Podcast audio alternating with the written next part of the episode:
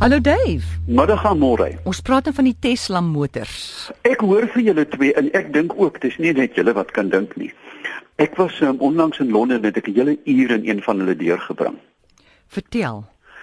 Luister suster, daai ding het 'n 'n rekenaarskerm so groot soos 'n inrybioskoop. Jy het geen idee van wel dit is uiteraard onsaglik liks mm. maar die motor is so gevorder dat ek dink jy weet dit is makliker om in die, in die, in 'n ruimte te gaan as om daai ding te ry. Jy sal vir weke moet opgelei word. Daar is sensors en kameras en skerms.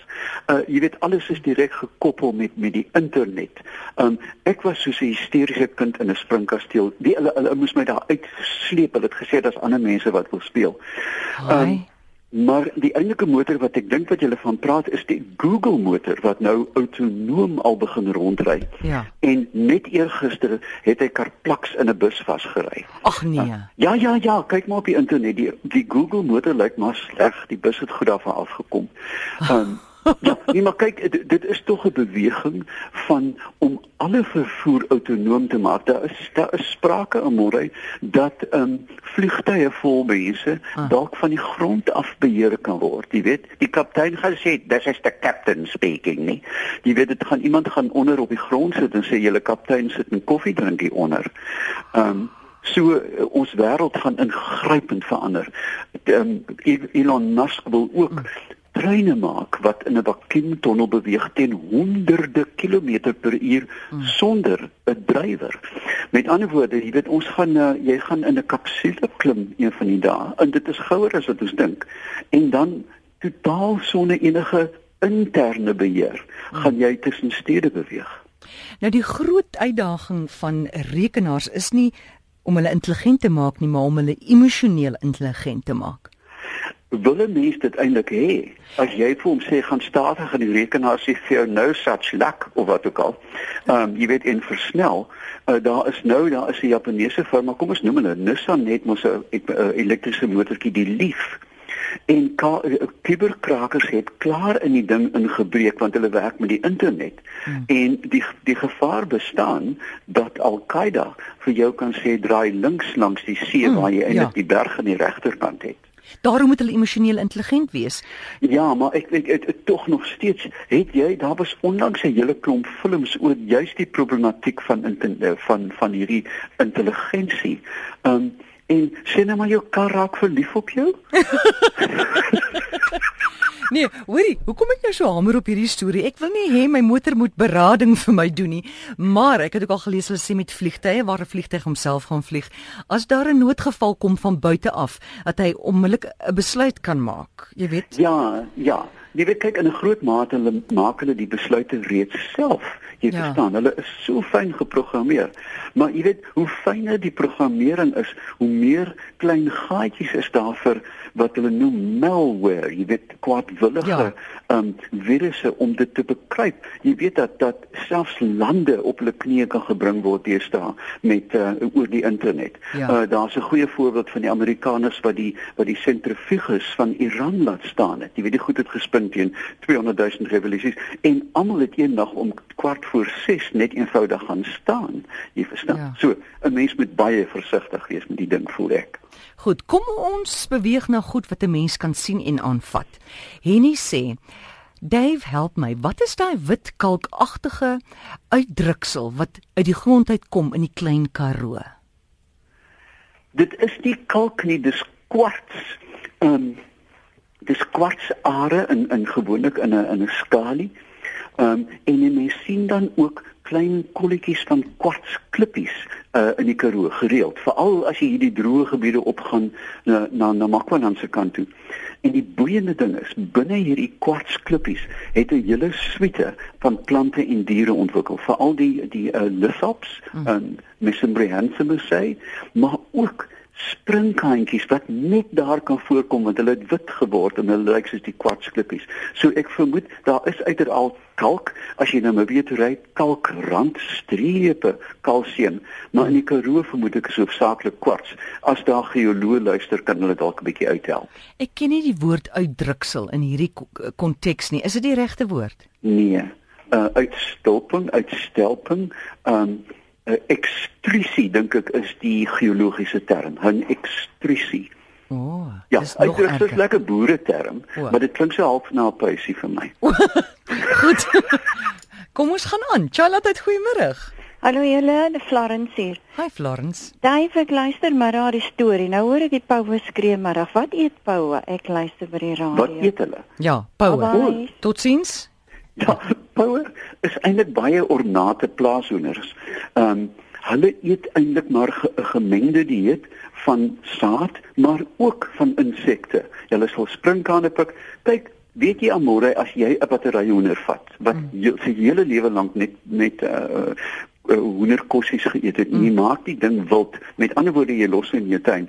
Ek het al gesien hoe osterlophenne 'n muis inhardloop en hom opvreet. Haai? Hulle ja, nee, hulle is omnivore. So hulle sal insekte eet, termiete, uh baie insekte en dan beskikbare saad. So dit is hoekom poue so goed in die Karoo kan klaarkom want hulle eet beide insekte en saad. Goed. Charlotte, goeiemôre. Hallo. Goeiemôre, kan ek ook op met Dave 'n praatjie kry? Enige tyd? Dankie. Praat maar. Goeiemôre Dave, dis Sheila Hallo. Burger wat praat. Middag. Middag daar. Sien my man, ek het 'n uh, 'n wille uh, steenbokkie daar op my plot uh uh nou en wonder wat kan ek vir hom doen? Hallo? Ja. Ja. 'n Wille steenbokkie op die plot. Steenbokke is hoogs selektiewe blaarvreters. Hulle is nie graag dit is hoekom hy so spitsneusie het soos 'n duiker. Al die klein diertjies, die die oë, hulle het fyn neusies om om om fyn te kan byt en uitsoek. So ek sou voorstel dat as jy hom wil aanhou wat miskien nie 'n goeie idee is nie, want indien dit 'n rammetjie is, gaan hy vir jou met daai horings een of ander tyd bykom. Hulle raak aggressief. Ehm um, sou ek vir hulle dan lucerne wou gee, veral vars lucerne as ek kon kry.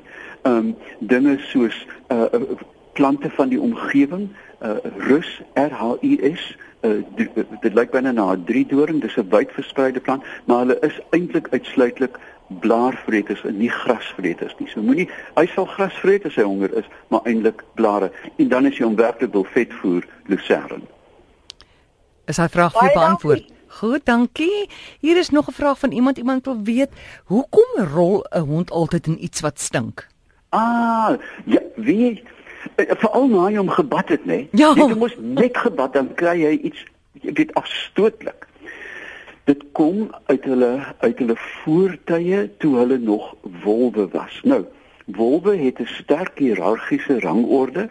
Met ander woorde, daar's die hoofwolf en die hoofteef en hulle knou almal op in 'n rangorde na onder toe af. As jy veld toe gaan mm. en jy kom terug en jy ruik interessant, dan stel mense wat bo jou is in jou belang. En dit is 'n sosiale manier om 'n uh, sosiale kruipery te doen. Met ander woorde, hoe meer jy stink, hoe meer gaan jou bure in jou belang stel. En die hond sê eintlik vir jou, kom vat my en bad my weer want dit ruik hoe lekker ruik ek. Wat vertel jy my? Ek sê jou.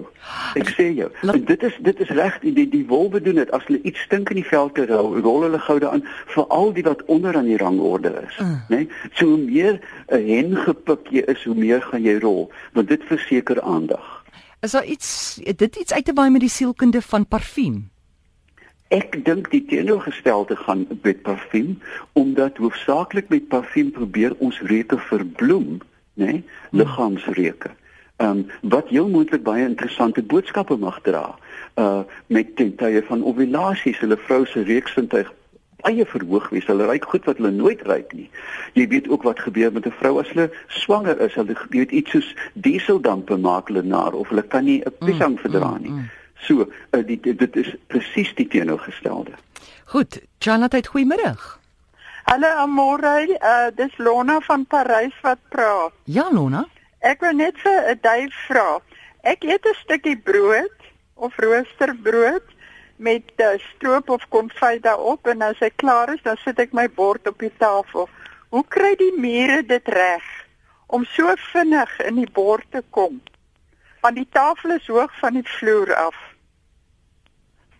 weet jy die dieselfde vraag kom telkens by my op. In inteendeel, ek het die week uh, plat op my alie gesit in die tuin, is so lekker middag gewees en ook 'n broodjie met heuning geëet en dit was letterlik minute voor die mure dit gekry het.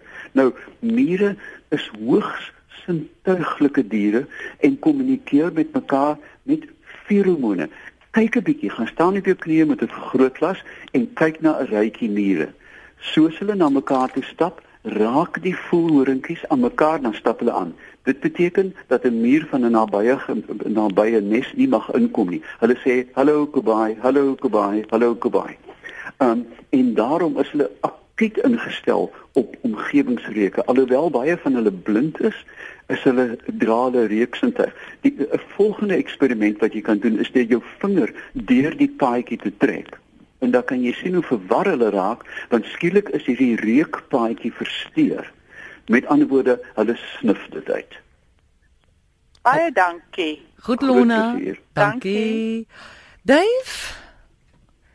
Ons het nie meer tyd nie man. Ag nee man, ek gesels nou so lekker met jou. Ja, ja, nou dat ons so lekker aan die gang kom nou, hier moet ons vir jou groet, maar toe maar ja, lek, lekker. Ek het ek het ek het my eerste sampioene van die herfs gekry. Vanaand word daar pasta gemaak. Och lekker. Mm -hmm. Hoorie ek sal, ek sal al die goed gou op my internetpos insluitende die mure en die pasta ja. en dan uh, kan mense kyk by Duif Peppler se Facebookblad.